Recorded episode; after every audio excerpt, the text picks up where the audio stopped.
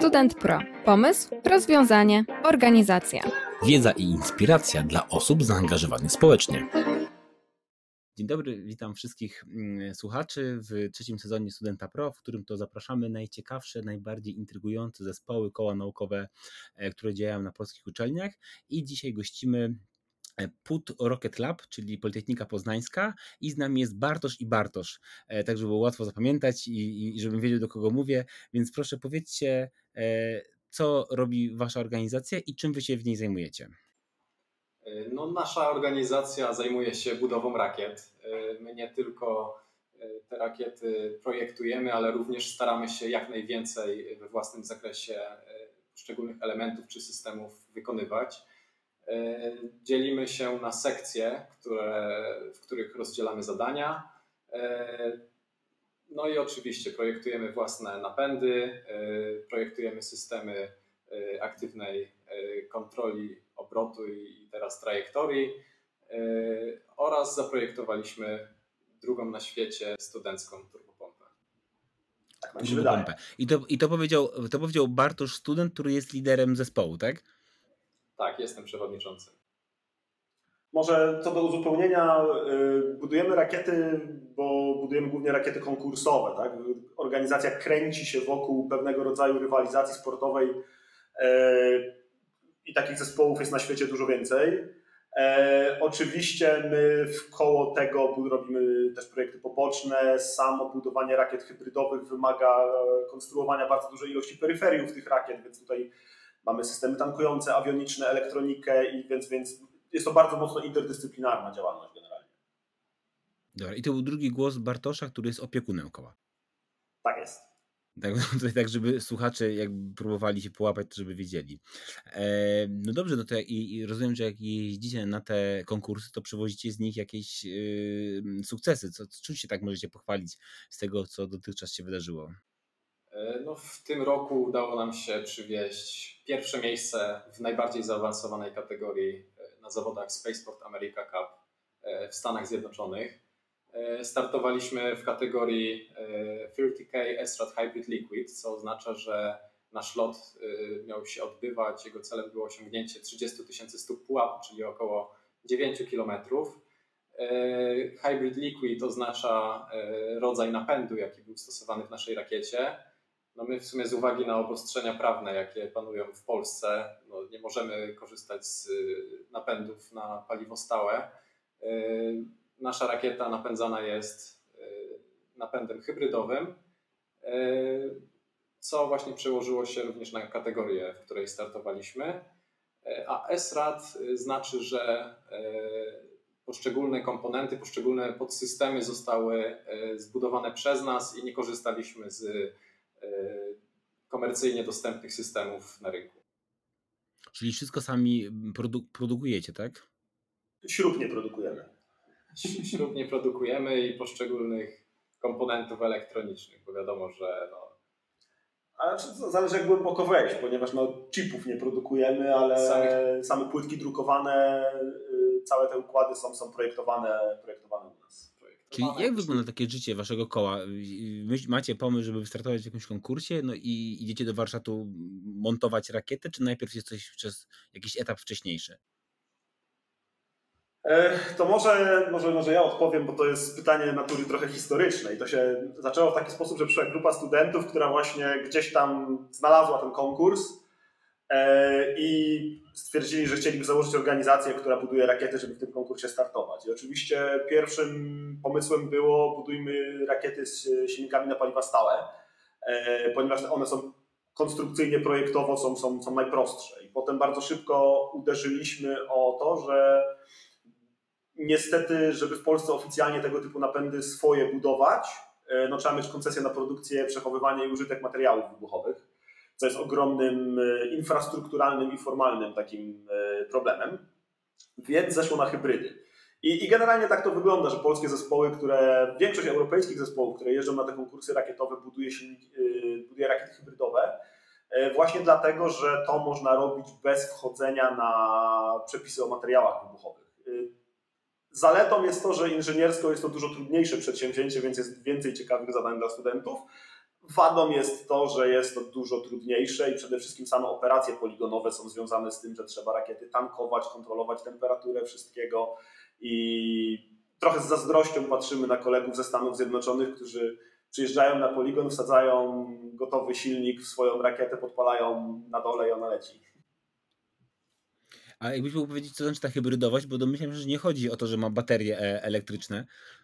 E, no właśnie, tu jest niestety spójność nazw. E, hybrydowe rakiety, rakiety generalnie dzielimy głównie, silniki rakietowe dzielimy głównie ze względu na to, jakiego typu materiałów pędnych używają. I tutaj stałe znaczy mamy duży fajerwerk, tak? paliwo i utleniacz zmieszane w jednym wkładzie, podpalamy, pali się samo. To, co obserwujemy głównie w rakietach orbitalnych, to są ciepłe materiały pędne, czyli paliwo utleniacz wtryskiwane do komory. Hybrydy są czymś takim pomiędzy, są trochę uproszczeniem napędów ciekłych w tym względzie, że jeden z komponentów jest yy, ciałem stałym. I najczęściej, tak jest w naszym przypadku, paliwo jest ciałem stałym, czyli mamy wkład z czegoś, co się pali, a do komory wtryskiwany jest y, ciepły utleniacz i jeżeli dobrze zaprojektowany jest proces wewnątrzkomorowy, to, to proces spalania jest podtrzymywany i rakieta sobie działa. I leci w kosmos. W kosmos nie, bo konkurs precyzuje pułapy, które, na które trzeba lecieć. E, za przestrzelenie pułapu tak samo odejmują punkty jak za niedostrzelenie, więc no 30 tysięcy stóp to jeszcze formalnie nie jest kosmos.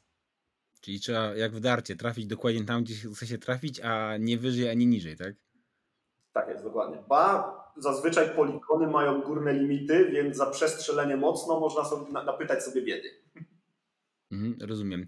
E, a powiedzcie mi, od którego roku e, trwa, ta, kiedy ci studenci przyszli się zgłosić z tym pomysłem na, na tą rakietę?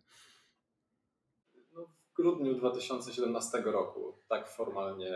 Tak. Czyli to już jest jakaś tam kolejna edycja tej waszej e, rakiety.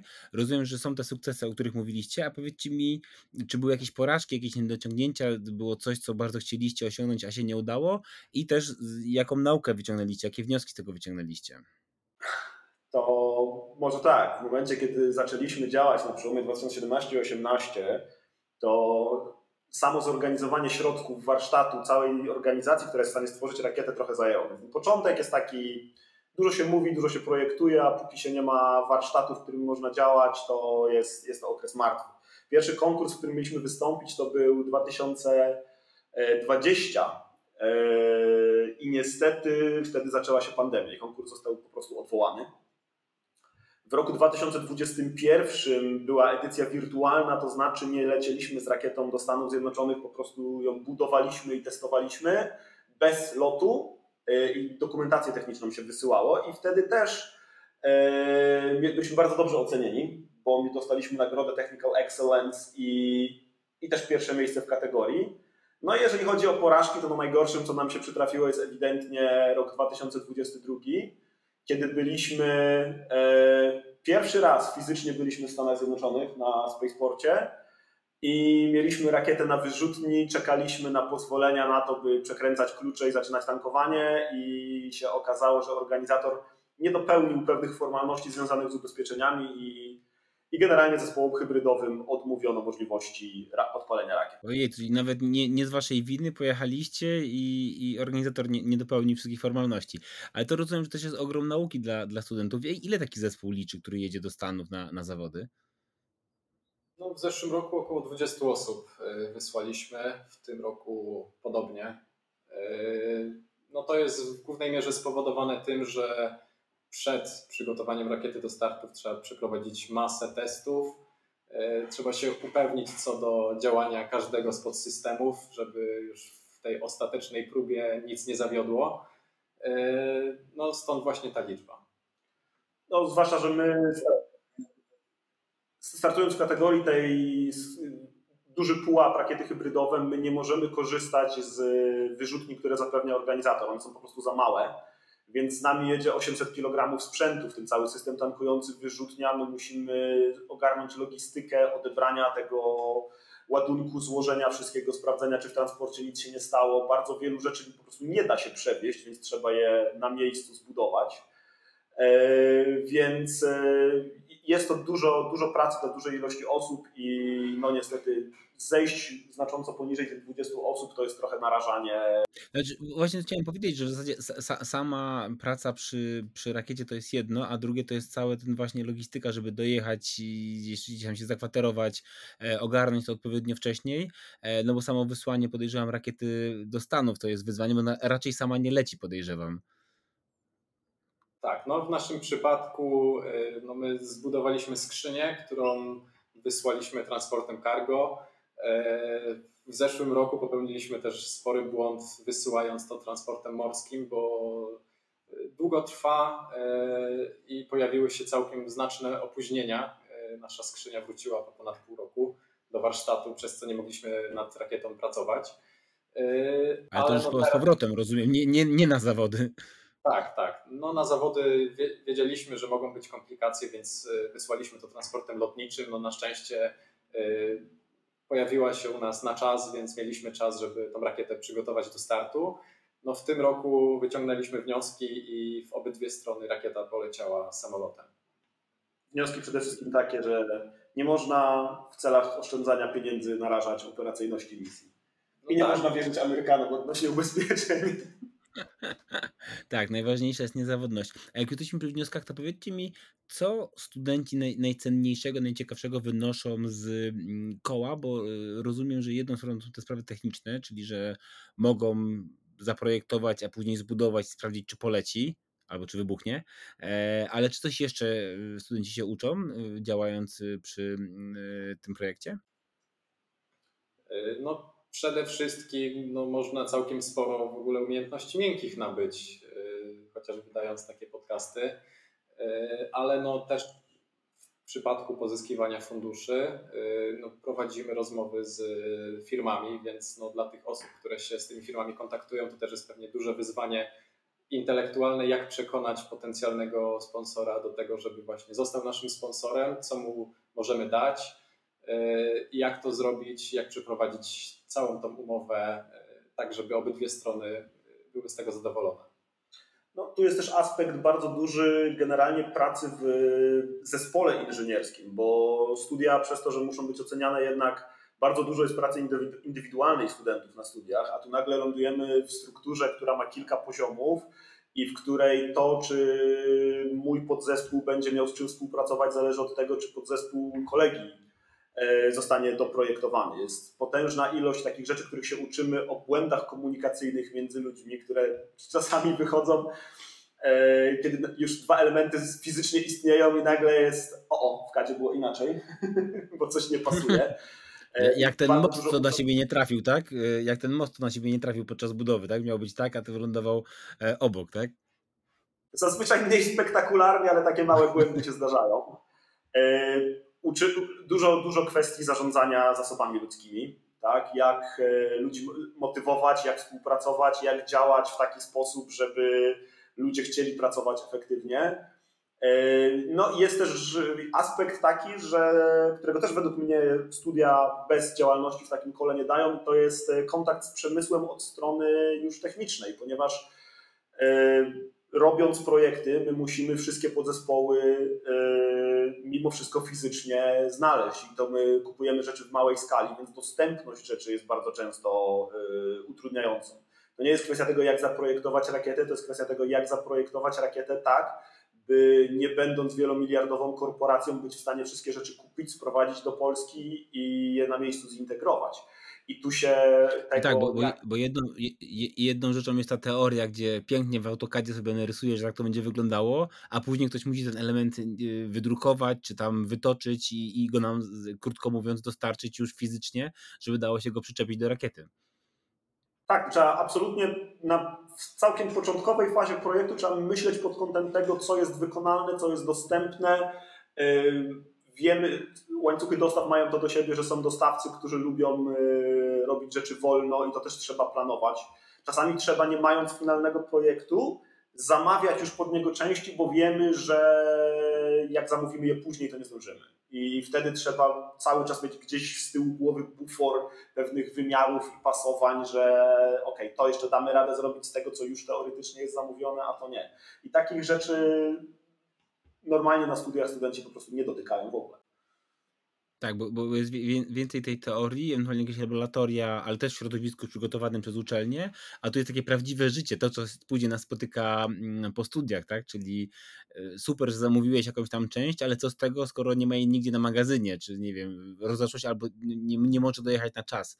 E, to, to jak się, jak ktoś zrobi zakupy na Allegro, to widzisz, że albo do przesyłka jest za dwa dni, albo za dwa miesiące, to trzeba na to zwrócić uwagę, żeby się mocno nie zdziwić. To jest takich prywatnych rzeczy, które, które mogą kogoś spotkać. No, nam się zdarzyło zaprojektować pewien podzespół w taki sposób, że był bardzo mocno y, zoptymalizowany geometrycznie pod pewien konkretny kupowany element. Jak ten jeden kupowany element zniknął z rynku, to nagle trzeba było przeprojektowywać totalnie wszystko. O takich rzeczach też trzeba, też trzeba myśleć. A trzeba było po prostu zamówić go odpowiednio wcześniej, w sensie projektując zamawiać już ten element, tak? zrobić własny zapas magazynowy, no ale to jest no, tak. mało ekonomiczne. Mhm. E, jak myślicie, co najcenniejszego absolwenci, czyli osoby po kole naukowym wykorzystają później w pracy, albo gdzie trafiają osoby po kole naukowym, co ciekawego robią później? Mm, no ja myślę, że w kole naukowym fajne jest to, że e, robimy bardzo dużo rzeczy, które, których nie ma w standardowym programie studiów, e, ponieważ projektujemy i wykonujemy poszczególne kompozyty. E, robimy to w różnych technologiach, no bo nie zawsze wszystko wychodzi, czasami trzeba coś zmienić. E, mamy styczność przede wszystkim z obróbką metalu, e, właśnie z zamawianiem poszczególnych elementów, z, z planowaniem i czasu ludzkiego, i materiałów, z jakich i, i przede wszystkim też kosztorysowanie poszczególnych projektów, więc no, tu jest dużo takich rzeczy, które właśnie e, później nam się przydadzą i będą nam służyły, myślę, latami.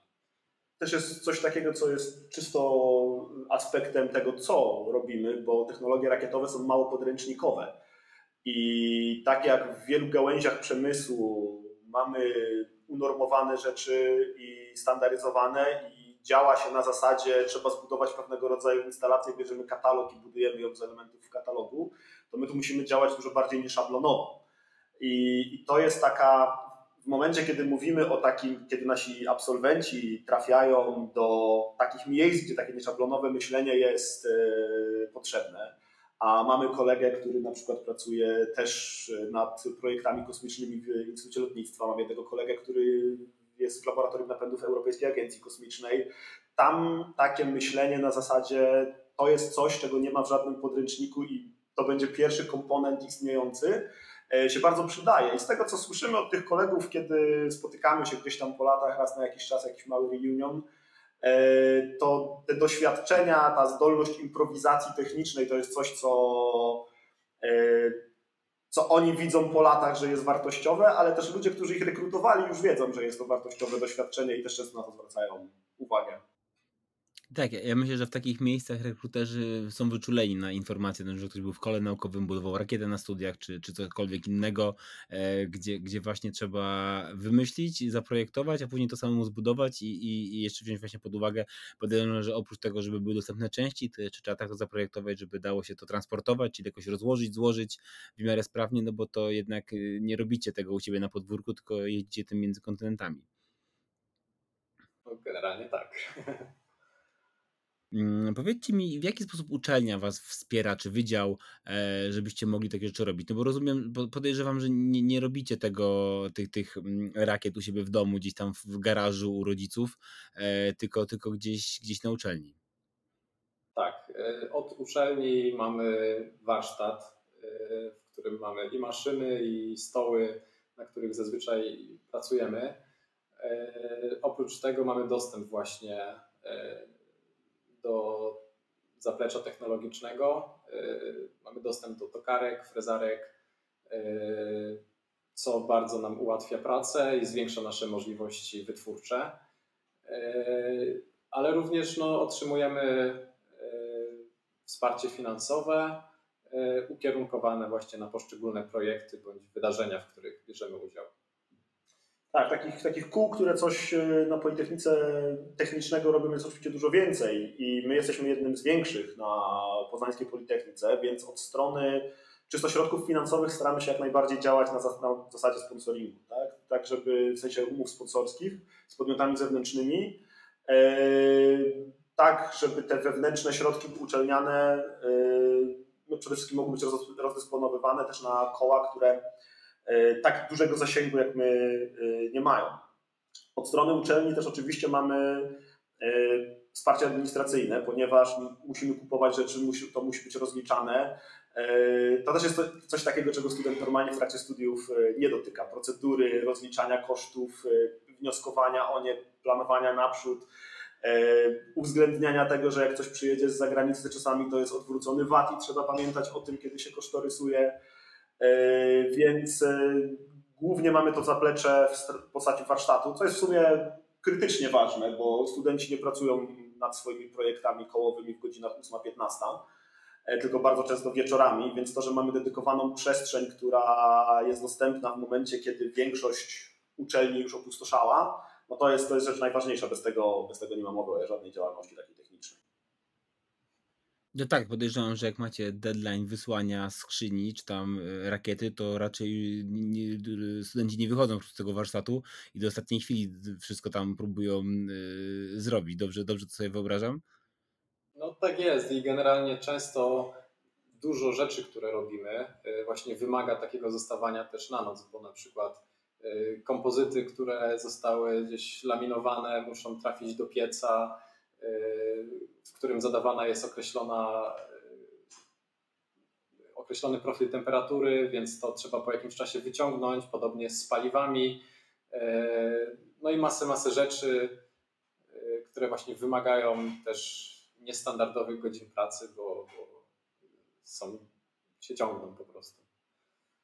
No tak, ale to też jest chyba okazja tylko, żeby się poznać z koleżankami, kolegami ze studiów, no bo to, to jest chyba tak, że studia są teraz takie mocno, bym powiedział, e, każdy indywidualnie do tego podchodzi. E, często ludzie mają, nie ma już stałych grup przez całe studia, tylko to się zmienia co chwilę, a w takim kole naukowym to można naprawdę złapać chyba kontakt z, z mm, znajomymi. No, można złapać kontakt i wspólny język. E, akurat z mojego kierunku nie ma nikogo w kole, aczkolwiek poznałem dużo wartościowych osób, z czego jestem bardzo zadowolony i, i zawsze się mogę do nich odezwać. No tak, bo koło jeszcze powoduje to, że mamy ludzi z różnych kierunków, z różnych wydziałów, czy przynajmniej z, z okolicy. A zapraszacie też osoby z innych uczelni, czy tylko z Politechniki macie mm, mm, zespół? W naszym przypadku tak, zapraszamy osoby z innych uczelni. E, no najdłużej chyba u nas Wojtek pracuje, nasz tak, tak. E, informatyk. Y, który jest z innej poznańskiej uczelni. W sumie już skończył studia, ale dalej aktywnie działa i się udziela i dużo pracy wkłada w systemy informatyczne. Dobrze, a powiedzcie mi, czy bo porozmawialiśmy o tym wsparciu ze strony uczelni, a tylko tak zahaczyliście, a chciałem się dopytać tutaj, jeżeli chodzi o współpracę z firmami. Co, co wy im oferujecie, co ich skłania, co te firmy, tych sponsorów skłania do tego, żeby z wami współpracować? No właśnie my z właśnie się skupiamy na, na tej działalności sponsoringowej, ponieważ y, finansowanie no, tak dużych przedsięwzięć, tak zaawansowanych technicznie projektów nie jest łatwe i możliwe ze środków uczelnianych. Y, dlatego no, na tym opieramy głównie nasze finansowanie. My przede wszystkim tym firmom oferujemy możliwość promocji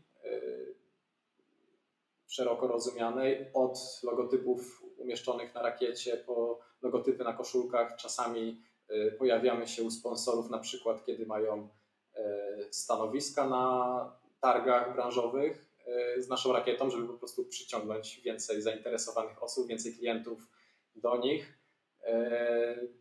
Również oferujemy na przykład nagranie filmów promocyjnych z określonych produktów, E, danego sponsora, e, robimy dokumentację zdjęciową, wrzucamy też rzeczy na social media, e, więc też działamy w zakresie właśnie postów sponsorowanych. No, ja myślę, ja myślę, że taka, taka, taka rakieta to musi być niezła, niezła atrakcja, żeby podejść, dotknąć, sprawdzić, a robicie na przykład jakieś takie y, starty z publicznością, czy to zawsze tylko na zawodach startujecie? No, do tej pory nie robiliśmy startów z taką dodatkową publicznością. To też byłoby problematyczne, no bo zazwyczaj te starty odbywają się na poligonach, a poligony mają bardzo restrykcyjne podejście odnośnie tego, kto może się na tym poligonie znaleźć. Jest często chociażby problem w przypadku, gdy w naszym zespole są osoby z zagranicy, ponieważ osoby dopuszczające do wejścia na poligon na przykład czasami nie respektują tego i no, czasami jest tak po prostu, że na poligon mogą, jest odgórna y, limitacja taka, że na poligon mogą wejść tylko obywatele polscy i jeżeli mamy na przykład y, u nas na przykład mamy studentkę y, z obywatelstwem ukraińskim, to zawsze, zawsze jest to problem. Jest też kwestia taka, że no nie, no, materiały pędne, które ładujemy do rakiety, one mają pewien, pewien potencjał energetyczny. Nawet jeżeli, e, nawet jeżeli prawdopodobieństwo tego, że coś pójdzie nie tak, jest znikomo małe, to mimo wszystko robienie imprez z publicznością to już jest e, rzecz trudna organizacyjnie. Tak, tak. Więc, więc generalnie, generalnie my. Jak... Staramy się minimalizować ryzyko niebezpieczeństwa. Tak, no też jest tak, że ale wysyłacie, ale wysyłacie chociaż sponsorom filmik ze startu, tak? No tak, tak. Tak, tak. No i właśnie filmik możemy mieć nagrany z bardzo bliska, a kiedy my odpalamy rakietę, to jesteśmy pół kilometra dalej, więc te nagrania wyglądają czasami dużo lepiej niż widać na żywo. Sami oglądamy na filmie, tak? Dokładnie. Tak, dokładnie tak. Dobrze.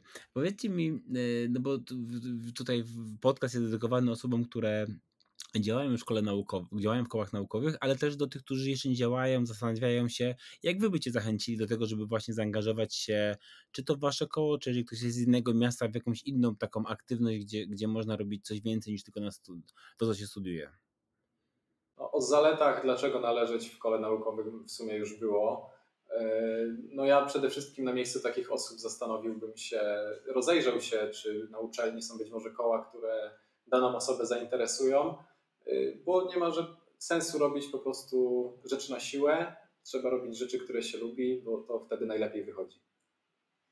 Tak, no ja czasami mawiam, że nie da się robić niczego dobrze, jeżeli nie lubi, nie lubi się tego, co się robi.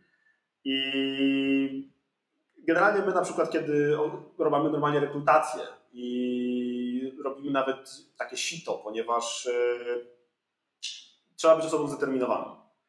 Jeżeli ktoś nie jest zdeterminowany do tego, by jakąś, jakiś fragment wysiłku wsadzić w tego typu przedsięwzięcie, to lepiej niech nie próbuje, bo to nie będzie miłe doświadczenie. Ale jeżeli ktoś jest zdeterminowany, żeby z tego okresu swojego życia, który już w pewien sposób zawodowo zawsze zawiesił, bo decyduje się na te 3,5 albo 5 lat studiów, jeżeli ktoś chce z tego okresu wynieść jak najwięcej, to jak najbardziej trzeba w takich organizacjach działać, bo ilość rzeczy, które się uczy, ilość, ilość student, kiedy kończy studia i ma dyplom, zawsze rozbije się w momencie jako, jako pracownik na rynku, zawsze rozbija się o to, jakie jest twoje doświadczenie.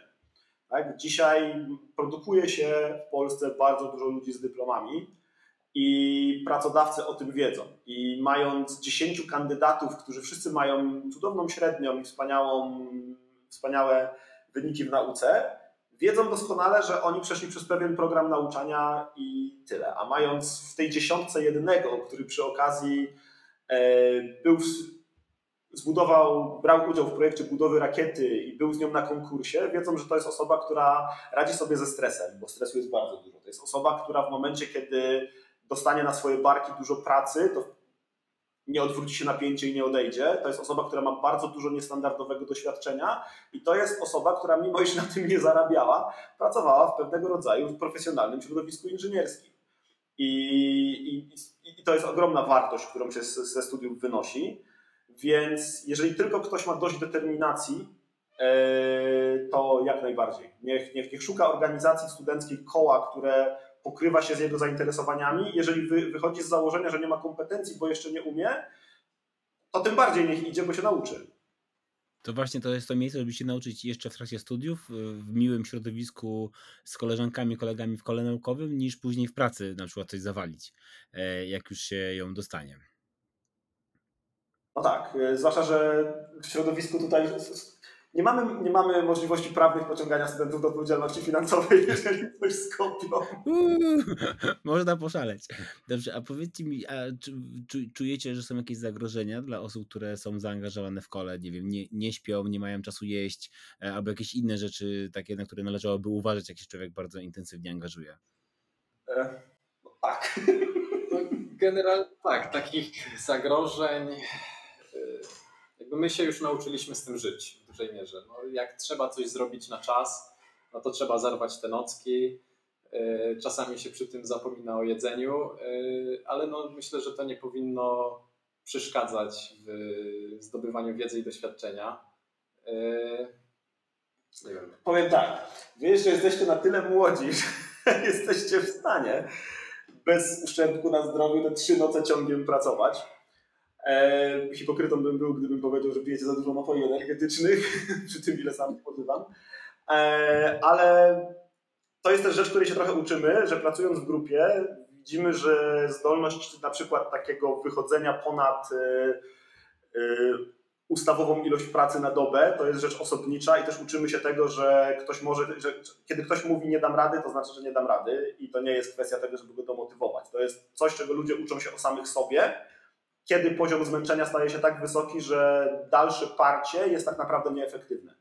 I to jest też coś, czego... Takie sprawdzanie, takie sprawdzanie granic po prostu swojej możliwości, swoich wytrzymałości, a też chyba trochę ich przesuwanie, no bo jak człowiek kończy liceum, to myśli, że co najwyżej może zerwać jedną nockę, a na studiach się okazuje, że można więcej, tak?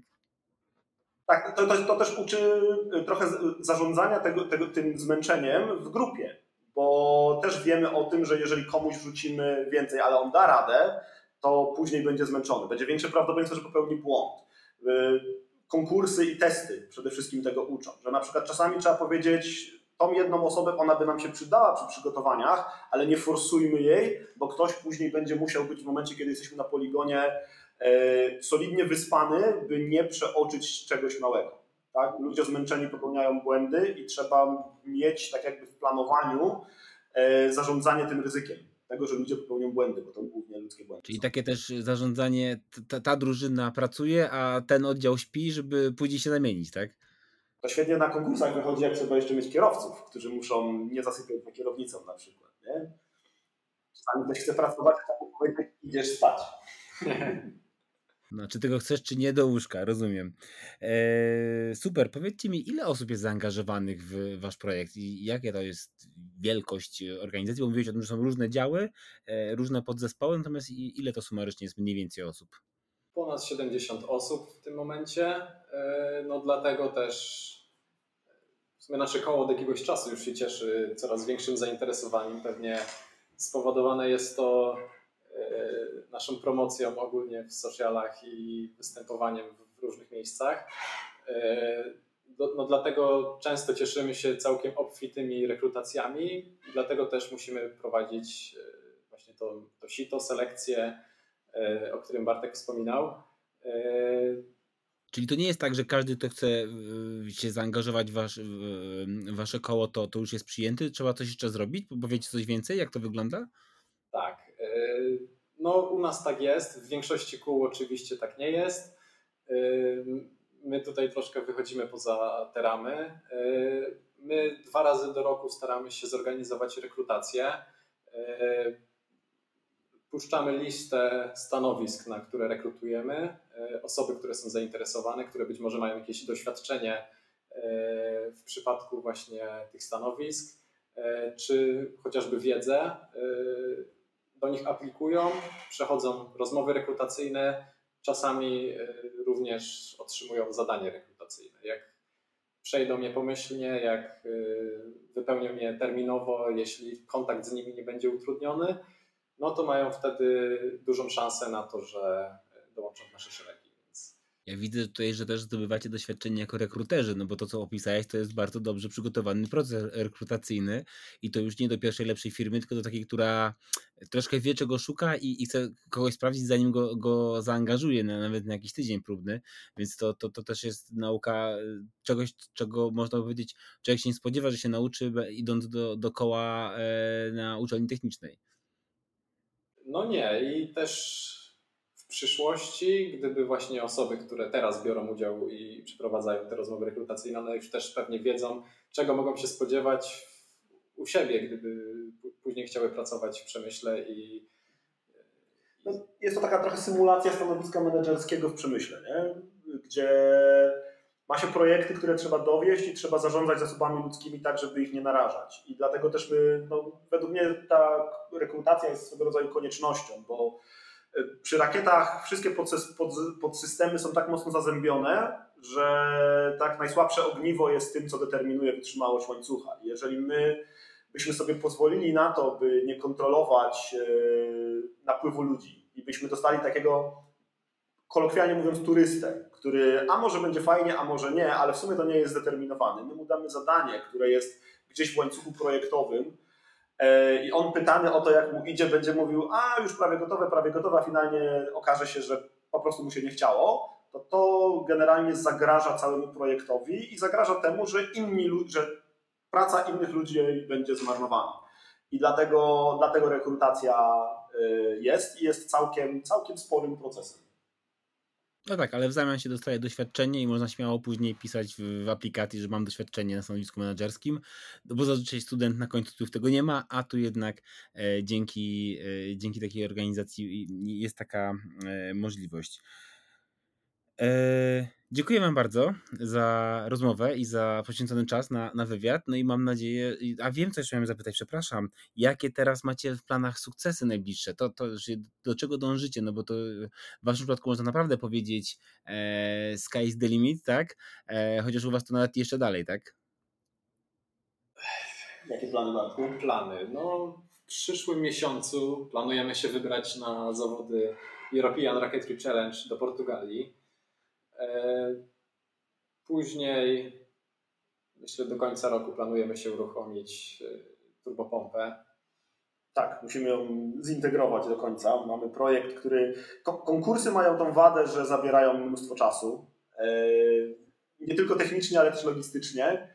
Więc mamy projekty poboczne poza konkursami, które na tym cierpią, można by powiedzieć. Więc trochę liczymy na to, że wrócimy z Portugalii, będzie trochę czasu, by, e, by posiedzieć w warsztacie i popracować nad rzeczami takimi, które, które, które są w mojej opinii nawet trochę ambitniejsze niż to, co robimy na konkursy, ponieważ no, konkursy mają regulaminy, a regulaminy narzucają limity. Tak? To jest jak budowanie samochodu wyścigowego. Ten samochód nie jest specjalnie użyteczny, on jest dobry w działaniu wewnątrz pewnego konkretnego regulaminu. E, nasze techniczne ambicje sięgają dalej e, i dlatego mamy nadzieję, że wystąpienie w Portugalii, na całe szczęście e, rakieta wróciła ze Stanów w wielu kawałkach, bo rozkręcona, ale nie uszkodzonych. I więc, więc, więc mamy nadzieję, że ponowi swój sukces z, ze Stanów, że będziemy mieli nominal flight w Portugalii, a potem wracamy do warsztatu i pracujemy nad projektami, które są nieco bardziej egzotyczne niż. Czyli jednak nad rakietą, która wylatuje w ten kosmos, a nie tylko do ograniczeń konkursowych, tak? Albo przynajmniej nad pewnymi komponentami ciekawych technologii, które w takich rakietach pracują. Dobrze, słuchajcie, to jeszcze raz dziękuję Wam bardzo w takim razie i do zobaczenia. No i trzymam kciuki za, za te e, Wasze loty. Super, dziękujemy bardzo. Dzięki.